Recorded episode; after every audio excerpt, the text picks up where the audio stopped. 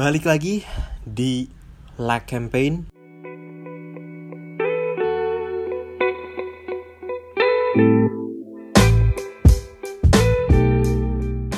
Jadi ceritanya hari ini gue udah bertemu dengan uh, dua pionir in di industri ini ya di industri kreatif khususnya di bidang uh, fashion yaitu Mas Bagas Satrio dari Sagara Bootmaker.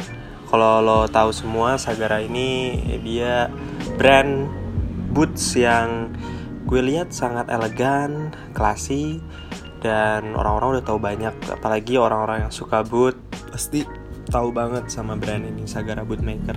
Dan juga yang kedua ada dari Hijack Sandals. Hijack Sandals ini dia siapa yang nggak tahu Hijack Sandals semua orang sepertinya sudah tahu brand lokal yang satu ini. Bahkan orang-orang beberapa ya beberapa orang mungkin mengiranya ini adalah brand luar. Tapi sebenarnya adalah brand lokal yang memang menurut gue gue sangat suka dengan konsepnya. Simple elegan dan keren banget sih. Maksudnya desain yang sendal yang berbeda mungkin ya dari yang lain. Yang yang gue tahu sendal yang kayak gitu tuh cuman Carville. Sekarang hijack sandals ini dia membuat uh, tren itu lagi uh, untuk balik lagi gitu loh.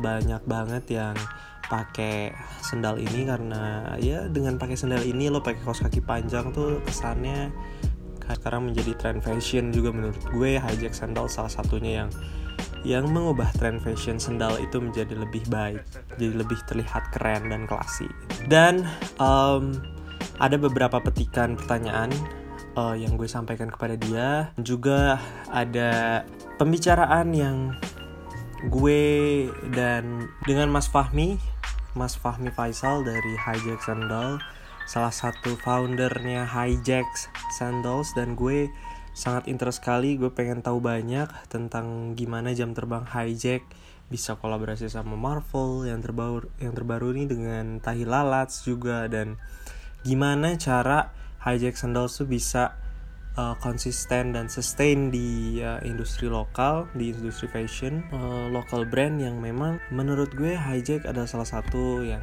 sangat-sangat memiliki pembeda. Even ada yang menuruti uh, desain daripada Hijack, tapi tetap aja Hijack tuh yang paling dipilih orang gitu. Maksudnya yang mungkin belief dan trustnya udah tinggi dan brandingnya pun udah mateng. Jadi gue penasaran ya inilah obrolan gue dengan Mas Fahmi berikut percakapan gue dengan mereka brand awarenessnya tuh sangat kena banget gitu ke masyarakat dan uh, lama-lama gue melihat nih si brand ini yang gue udah bangun ya lumayan tiga tahun lah efektifnya satu tahun mas. Uh, kayak lama-lama ngerti brand saya tuh arahnya mau ke mana orangnya kayak gimana karakternya seperti apa. Tapi di, di titik sekarang tuh kayak gimana ya cara nyampein ke masyarakatnya biar orang tahu nih nih ada nih brand gue tuh exist. Jadi sampai shortcut pikiran tuh ke apakah harus endorsement yang gila-gilaan, influencer yang parah-parah, tapi gue melihat local brand setelah kemarin juga ke Bright Spot ngobrol-ngobrol gitu ya sama anak public culture sama Mas Leo kayak ya lo harus memang seperti Mas bilang tadi brand identitinya harus kuat dan lain-lain gitu. Hmm. Tapi yang dari hijacknya sendiri yang paling spesifik menurut Mas. Iya ya. Jadi ini gimana sih? Ini masalah ini tuh ada juga loh di hijack. Hmm. Uh, jadi kita tahun dua dua tahun lalu tuh kita ada kayak uh, keresahan apa ya? Uh, krisis identitas gitu. Hmm. Jadi kayak ini hijack ini mau dibawa ke mana sih? Jadi brand sendal yang seperti apa sih gitu yeah, kan? Yeah. Akhirnya kita ngobrol itu buat nemuin satu identitas yang sekarang kita lagi presence itu, nah, itu. Uh, kita cuman sesimpel ngobrol sama tim aja. Oh, lu ngelihat Mas juga partner ya? Iya partner berdua. Oh. kayak uh, sampai ke detail aja ngomongnya lu sukanya musik apa, lu sukanya kalau jadi apa uh, apa ya attitude hmm, itu iya, bakal iya. dipindahin ke hijack cocok apa enggak kita yeah, ngobrol itu kayak masing-masing uh, gitu ya. itu obrolan itu setahun loh. Jadi kayak beneran uh, identitas yang kita identitas yang kita lagi present ke masyarakat sekarang tuh ini jujur banget sebenarnya. Ini gue banget sama partner gue gitu. Itu sebenarnya nggak perlu seperti itu cuman ini hal yang paling mudah yang kita lakukan ya gue jadi diri gue aja gue di hijack kan suka suka share musik itu sebenarnya musik gue Oh gitu. ya Oh, jadi iya, kayak iya, iya, terus kayak betul, iya. eh, apa activity sepedahan itu sebenarnya activity partner gue dia sepedaan hampir tiap hari gitu rumahnya di gunung padahal gitu kan nah, jadi eh, apa ya hal yang paling mudah untuk dilakukan ya mungkin ya lu sukanya apa lu lu sampai di brand lu gitu. brand itu represent si ownernya. Ya, ya. Dan kalau misalnya kita gini deh, eh, kan harfiahnya manusia tuh gini. Ketika lu ngobrol sama, lu ngobrol sama lu gitu kan Hmm. sekarang. Ketika kita nemuin satu common ground, sa- satu common interest, Ah, ah. itu pasti bakal lebih nyambung. Misalnya lu suka streetwear, gue mungkin Iya. nggak terlalu dalam. gue sampai di skateboard doang lah udah. Ah, ah. Tapi ketika kita nemuin satu brand yang kita suka bareng-bareng, itu tuh Iya. kita bakal cepet banget nyambungnya. Nah, gue tuh melakukan itu di hijack akhirnya. Gue meng menghumanize si hijack, Hijack. menjadi menjadi yang uh, jadi gue, jadi hijack, ya, ya jadi si Zaki gitu, partner gue. Akhirnya di-combine anak-anak uh, respon itu bikin satu identitas baru, logo dan kawan-kawan. Nah, sekarang lagi on progress kalau buat logo dan lain-lain. Cuman obrolan Aku udah pesenin dua. siap atau Ya. pesan apa ih kamu? Burger. Nuhun pisan sih itu mah nuhun banget. Lapar ya. Lapar lagi kan? Eh. Nuhun nuhun. Eh, ya itu jadi apa ya sejujur mungkin sih akhirnya pada pada akhirnya tuh kayak kalaupun itu yang dipakai hijack ya jadi sudut pandang hijack karena kita nggak mau susah untuk jadi seseorang. Kita nggak mau trying to be trying so hard to be another person gitu. Iya, iya. Uh, akhirnya ya kita ngelihat itu di diri kita. Ternyata ada ada sisi yang asik ya sisi yang bisa nyambung sama orang lain ya di di luar sana. Ya, Ini koneksinya kena ya akhirnya Hmm. orang. gue kan suka misalnya gue suka datang ke acara musik mau itu party mau itu band. Akhirnya kita tap in sama acara musik sama sama party gitu sama teman-teman yang bikin party kita tap in. Karena gue ngerasa ya relate. Oh hijack seperti itu kok sekarang gitu. Ya, kenapa nggak gue tap in sama mereka gitu. Toh mereka teman-teman kita juga gitu. Jadi eh, ta- sama tadi nyinggung masalah endorsement juga sebenarnya eh, sekarang tuh kayak jadi prioritas ya. Hmm, mungkin ada fasenya dulu hijack menggunakan itu tapi ketika ngelihat sekarang tuh kayak semua orang bisa loh. Semua orang tuh bisa jadi uh, apa ya self branding tuh udah common banget sekarang. Orang-orang punya followers banyak tapi uh, mungkin lebih kayak gue lebih baik dipakai sama orang yang followersnya 2000 let's say. Tapi dia teh uh, menjalani hidupnya sama kayak hijack gitu ya. Jujur aja gitu gue suka disco gue suka party gue DJ gue apa gue menjalani hari-hari gue seperti ini. Gue lebih baik uh, tap in sama orang seperti itu karena mereka biasanya di di di satu ekosistem mereka apa yang dia kumpulin atau yang tempat dia ngumpul dia orangnya pasti sangat menyenangkan. Dia bisa menginfluence itu lebih dalam dibandingin followersnya 70 ribu yang followersnya nggak tahu nge-follow dia gara-gara apa apa eh gara-gara apa gitu kan ya nggak sih? Dan akhirnya kita juga masih kok masih masih kirimin sendal buat ya kita nyebutnya friends and family gitu kita harus kenal dulu kalau kita mau endorse sebenarnya kita harus ngobrol ngopi atau ya chat sendiri pun gitu Uh, itu lebih efektif sih sebenarnya. Oh, gitu Tapi ya, ya, menarik ya. dia harus nge-represent brand lo, nggak Iya, bisa betul, enggak betul. gitu. Itu harga mati banget. Jadi kayak sekarang lu ngumpulin followers 70 ribu sama 2 ribu yang uh, 70 ribu tapi dia keren doang terus lu nggak tahu dia siapa. Iya. sama yang 2 ribu Dan tapi segmen marketnya hijack tuh nggak ke followersnya tujuh puluh ribu gitu kan berarti nggak Em, ada mungkin. Oh, ada, ada, maksudnya tapi tujuh puluh ribu tuh ya dia kemung- kemungkinan ya dia udah laki aja Oh, dulu iya, tujuh puluh ribu iya, duluan. iya, tapi iya. ya at least dia harus nge-representnya hijack sendiri gitu. Gue juga sebagai Oh, brand punya bargaining itu dong. Ya gue bakal bakal support lo 100% asal lo punya common interest sama gue kalau enggak walaupun dia followersnya 2 juta sekalipun gue nggak mungkin endorse dia walaupun gue mampu gitu untuk endorse dia tapi gue nggak mungkin karena dia nggak ada nggak ada keterkaitan apa pun sama brand gue gitu Iya betul. jadi, nah rata-rata orang yang punya followers yang lebih rendah, lebih sedikit, terus lu ngobrol, lu masuk obrolannya, uh, nyangkut gitu sama brand lu tuh, mereka nggak minta apa-apa cuy. Mereka pasti posting, mereka pasti appreciate sama barang lo gitu. Uh-huh. Itu yang yang yang keras sama hijack ya. Uh, akhirnya kita kan, uh, gue dua dulu gue orangnya beneran yang nggak pernah keluar kandang nggak pernah nih ngom- ngomong kayak gini tuh baru sekarang-sekarang lah gara-gara diajakin bagus terus uh, dulu tuh Oh kayak- diajakin bagus mas. Hmm, dulu tuh kayak temenan tuh ya beneran yang circle small circle aja Iya gitu. betul lah ini nih gue pengen bahas. Eh, terus tapi ya mereka support kita aja jujur gitu. Kalau barang gue jelek mereka bilang jelek pasti. Itu enaknya enaknya eh, apa punya small circle terus yang emang deep conversationnya dapet gitu terus kayak ya jadi temen aja gitu itu lebih enak dibandingin yang gue Betul, siapa betul. tapi walaupun followersnya sembilan ribu ada yang nyangkut ke brand lu mungkin ada yang beli tapi lagi-lagi itu lu mau nggak yang beli beli brand lu tapi nggak ngerti Iya. Paham. si substance-nya apa gitu kan kayak Misalkan anjing. brand hijack eh, ambasadornya Atta Halilintar enggak kan? Enggak lah. Kayak dia banyak followersnya tapi kan ya enggak lah enggak ke situ. ya Gitu. tapi enggak lebih ke kurang bukan kurang apa ya kayak dia mungkin nggak nge-represent attitude-nya hijack Oh iya. dia kan ya eh, kalau di manusia kan mungkin hijack itu orang yang uh, underrated aja nggak pernah nggak pernah speak up nggak pernah nampil gitu nah kalau Atta Halilintar kan nampil banget ya lu Iya. nggak cocok lah sama dia Iya, gitu Betul. mungkin kalau Atta Halilintarnya nggak se-ekspresif itu ada kemungkinan gue bisa Cool, temenan sama dia gitu ya. kan. Betul Itu sih. betul. lebih kayak ke ya ini yang yang yang lagi kita message kita delivering terus ya sekarang lagi krisis banget orang-orang tentang peng- apa mengetahui dirinya sendiri gitu ya even gua Ini yang- gua pun ada fase itu gitu kan lu teh sekarang kalau gue tanya sama uh, angkatan di bawah gue atau enggak yang Ah. 10 tahun 20 tahun di bawah gue tuh Hmm. pasti mereka bilang gue pengen kayak dia gue pengen jadi youtubers gue tapi tanpa tahu konteksnya apa gitu gue ya udah dasar gue pengen cuan gue pengen terkenal Money lu oriented ya Oh. dan fame oriented Uh, ya. uh, nah uh, itu kan ya lu kalau begitu lu bakal dapat masanya lu fans lu hilang atau enggak Iya iya iya. udah nggak dapat lagi uh, common interest sama orang-orang gitu nah yang yang kayak gitu-gitu uh, yang gue lagi lihat sekarang tuh kayak orang-orang kenapa kok pada krisis identitas gini ya? Jadi kayak sebenarnya gampang lo lo mau mengenal diri lo sendiri tuh lo cuman kayak kalau gue kan orangnya emang nggak nggak banyak temen gitu jadi kayak gue tinggal cabut solo traveling ke mana.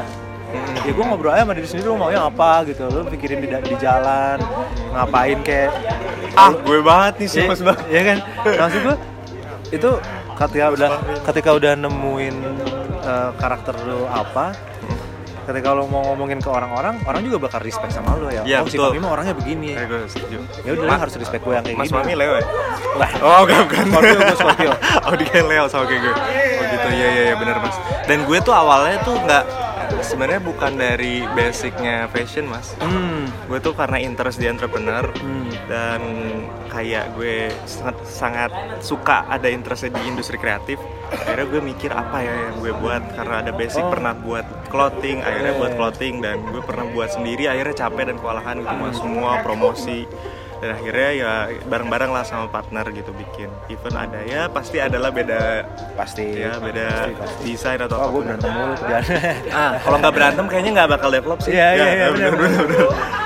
jadi dari situ langsung ya buat clothing dan gue pengen membuat inner circle gue tuh anak-anak industri ini gitu Hmm. industri fashion Hmm. nah ini yang gue cari sebenarnya apa ya kalau ngomongin uh, kan gue bilangnya hustler ya. Harus ada orang bisnisnya nah partner gue ini orang bisnisnya jadi kalau sebenarnya nggak ada dia hijack tuh nggak akan semaju ini. Maksudnya nggak akan sampai di titik ini gitu. Karena yang ngomongin ketika ngomongin bisnis gue tuh nggak nyambung sebenarnya. Gue tuh udah beneran tugas gue sekarang adalah nge-present hijack di masyarakat. Ngomongin duit itu udah harus beda orang ya. Mungkin lu juga gitu nggak yang ngomongin duitnya lu. Lu harus mikirin bisnisnya gimana growthnya gimana. Tapi eh, ketika orang bisnis ngom ikutan ke, ke sudut pandang gua itu rata-rata nggak berhasil dan kita selalu berantem.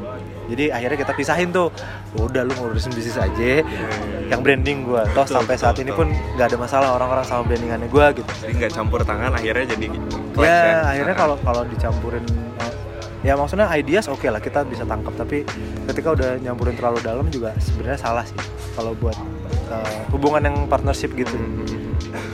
Iya, menarik banget dan gue tuh uh, adore ketika melihat Hijack bisa collab sama Marvel tuh gimana tuh mas?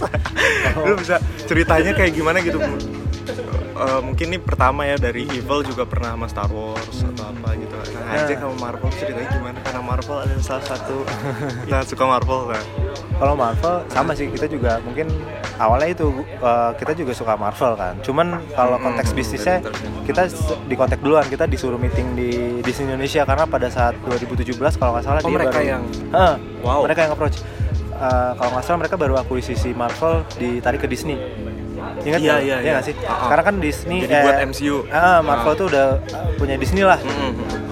Nah, pada saat itu sama uh, obrolan yang tadi pun nyambung sama connectivity-nya si Hijack dengan Marvel. Akhirnya dia pertama kali gue datang gue ditanya gini lu tahu gak sih Marvel apa? Gue tahu dong Marvel itu bla bla bla gue jelasin. Oh, oh, oh, terus dia ngetes gitu ada pertanyaan juga kan kayak lu tahu nggak karakter Marvel ada berapa?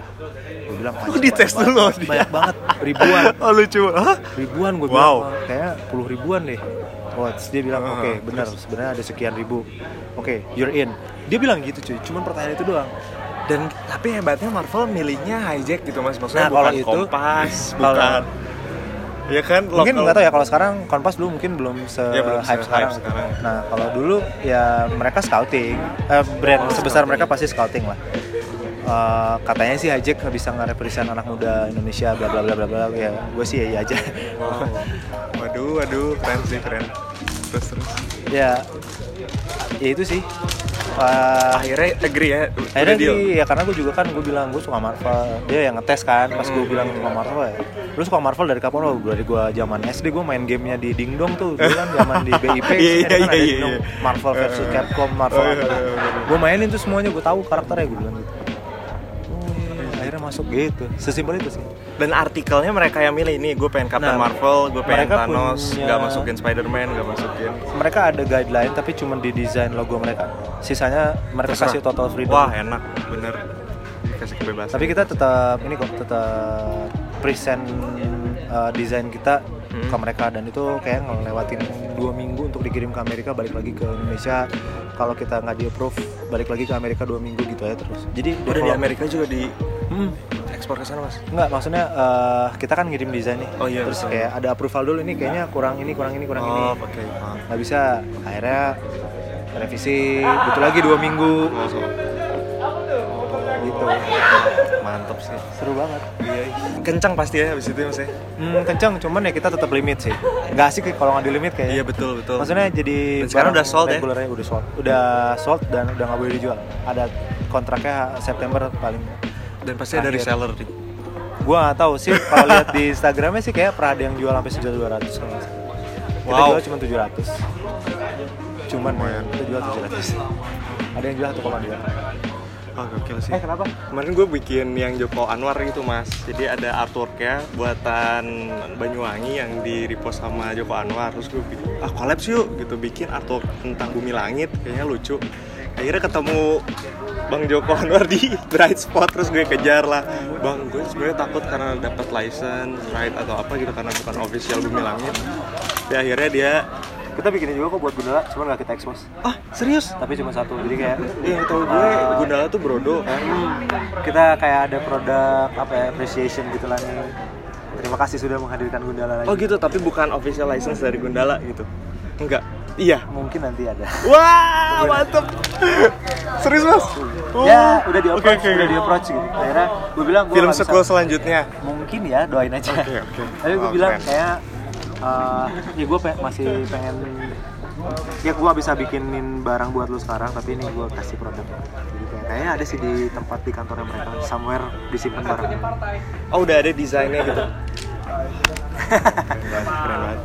Ya gitu makanya nggak perlu kayak harus ya itu sama Gundala juga kita kayaknya nggak perlu ada ada doing doing business gitu ya lu cukup ya jadi manusia aja lu appreciation lu bikinin produk karena gue bikinnya sendal ya gue bikin sendal lu nggak perlu ngarepin itu bakal di blow up sama mereka atau apa ya ya nggak susah kan sebenarnya kayak gini ini terima kasih sih gue buat Joko Anwar setelah eh, telah apa buat bumi langit Iya, iya, menghadirkan benar. itu Dan Udah, gua kita nanti tulus ya, apakah kita dapat lagi Iya. agreement dari dia atau enggak kan? Siapa tahu. Oke, wow keren sih emang. Wah, dan hijack sandals tuh menurut gue adalah kayak trendsetter anak-anak muda di Indonesia sih. Maksudnya sekarang tuh ya maksudnya sneaker Jordan gitu kan orang-orang may- mayoritas seperti itu dan ada juga anak-anak yang anak-anak muda sekarang pakainya ya gini mas sandalnya. Ya. Pakai kaos kaki panjang gitu dan gue melihatnya ini hijack yang buat ya atau ada sebelumnya gue gue melihatnya hijack nih yang buat trendsetter ini gitu. Oh kita banyak kok influence-nya Uh, dari negara mana pun kita banyak influence Jepang salah satunya. Ya. Hmm. Hmm, karena mungkin iklim iklim di sana ada yang mirip sama kita kan. Satu iklim yang mirip sama kita yang panasnya sampai berapa puluh derajat gitu. Ya akhirnya ya gue juga ngelihat behavior mereka oh mirip ya kayak di Indonesia. Terus kayak kok why not gue bawa ke sini? Ya, gue twist juga gitu. Nggak. Kita kalau bilang translator ya agak muluk-muluk tapi ya kalau ada yang Iya. bilang gitu ya ya bersyukur aja sih. kayak ngeliat Oke lo pakai hijack sandalnya kayak kelihatannya oke keren gitu. Kayak kesannya apa ya? Nah itu itu yang bikin pengen gue membuat brand gue tuh seperti itu. Hmm. Mungkin karena orang Jadi hijack sandals tuh udah ngeliatin Misalkan kalau ngeliat Seperti itu tuh itu hijack sandals banget gitu, kayak gitu. Jadi orang udah Paknya brandnya ke situ gitu. kita nggak Air, putih ada aqua gitu ah, kayak iya, gitu. nggak sampai nggak trying hard kayak gitu sih nggak nggak nggak ada di pikiran kita untuk gua harus jadi translator enggak sih.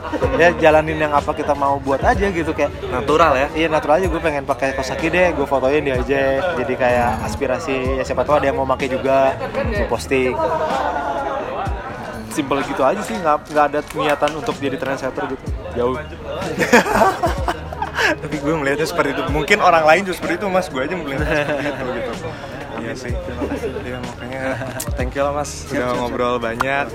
Nah itu dia percakapan gue dengan bang Fahmi salah satu founder dari Hijack Sandals.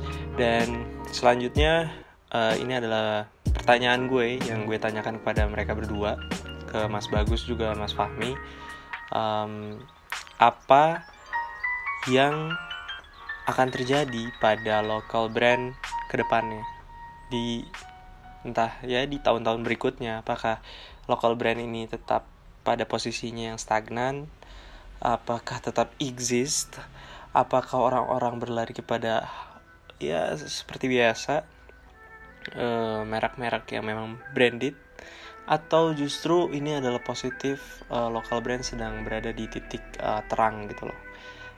Berada di dalam apa ya market local brand ini semakin luas nah gue menanyakan itu kepada mereka dan ini dia Nah, di sini gue sama Fahmi yang akan gue lakukan ke depannya adalah nyobain gimana caranya kita jadi titik temu nih biar biar bisa adem gitu, kebayang nggak?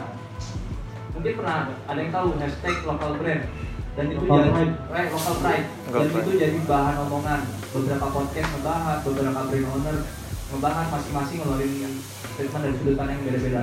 Gue coba dari sudut pandang gue ya. Local pride ini kalau yang gue tangkap adalah eh, campaign yang digalakkan oleh beberapa local brand untuk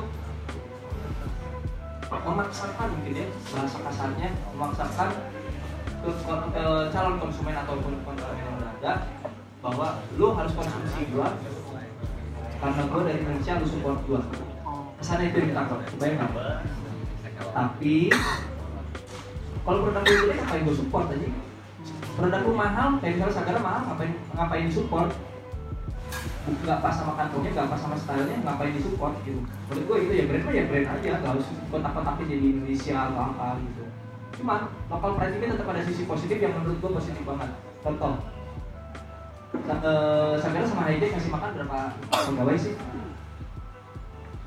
Mungkin kalau di total di bawah 100 kali kita berdua. Tapi ada loh brand yang pakai hashtag local pride yang punya pegawai ribuan. Mestro ngasih makan ke banyak orang.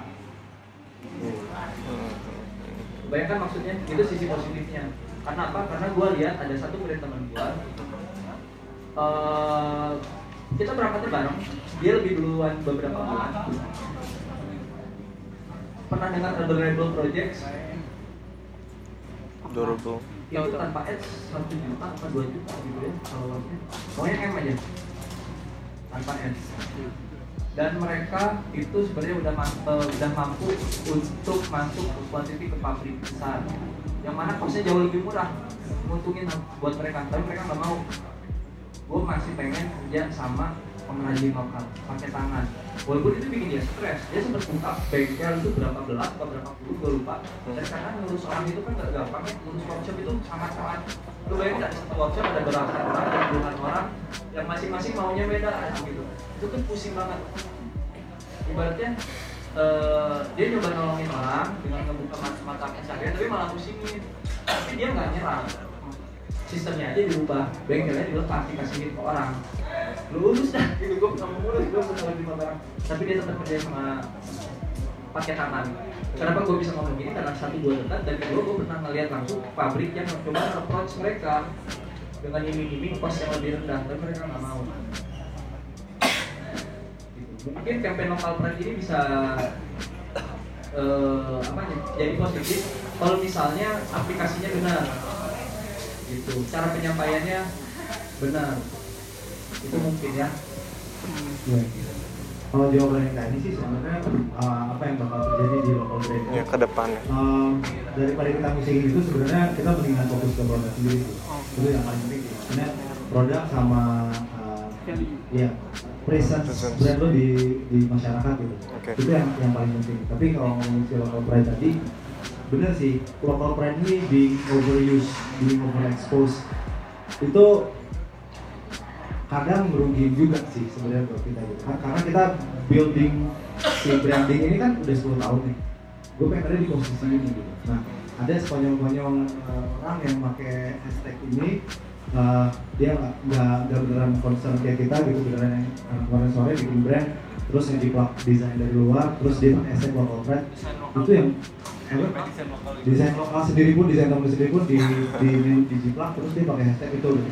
itu bangsa sih sebenarnya. Itu jadinya merusak si hashtag tadi sebenarnya kalau kata temen gue nih local brand itu udahlah ini kan jadi statement bukan jadi statement gitu tapi jadi state of mind aja. Ya. gak usah jadi kayak lu harus keluar-keluar itu gue 10 tahun gak pernah gak pernah ngomongin itu di di mana-mana gitu. Hmm. Ya dong dukung gue support your local brand nggak nggak nggak kayak gitu sama sekali gitu kan dari dari awal kita nggak pernah ngomong nggak expose itu gitu karena tiba-tiba datang eh, apa si tagar itu jadi over expose akhirnya orang-orang juga kayak Ji, dia naon sih? Udah lah stop gitu maksud gue. Ya maksudnya kayak gua mau bagus. Mungkin di sini yang paling gerah itu gua mau bagus. Eh, karena udah sering ngobrol juga gitu. Tapi benar ada segi positifnya. Jadi orang secara nggak langsung aware, mulai aware oh kalau gue pakai lokal brand berarti ABCDE gitu oh oke oke gitu. Ya cuman eh, asal nggak di overexpose, nggak overuse dan dipakai untuk hal yang benar sih kita kayaknya masih oke. Walaupun kita nggak akan pernah pakai hashtag itu kapan pun sampai kapan pun gue nggak akan pernah pakai hashtag itu deh. Gitu. Jadi eh, kalau mau nanya lokal brand gimana masa depannya eh, kita sih harus optimis maksudnya ini cerah sekali sebetulnya. Dari luar negeri pun ya gue bisa bisa ngomong ini karena gue lagi lagi berbicara sama banyak orang di luar sana. Kalau mereka udah mulai ngelirik Hmm. pa- eh, apa eh, market di sini bukan market di sini sorry. Produce produsen di sini gitu. Oke. bener tadi bagus Nah, di sini tuh murah.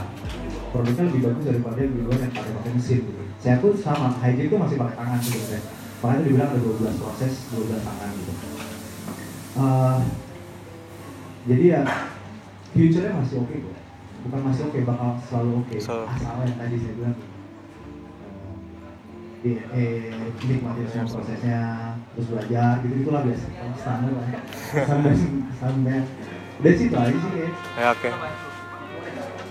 Eh, terus kayaknya 2020 dan ke depannya lokal brand bakal lebih gila lagi karena sekarang akses ke material lebih kebuka maksudnya eh ya kalau dulu keterbatasan kita pakai produk limbah limbah itu maksudnya kayak kayak sisa pabrik misalnya gitu yang dari industri aparel gitu.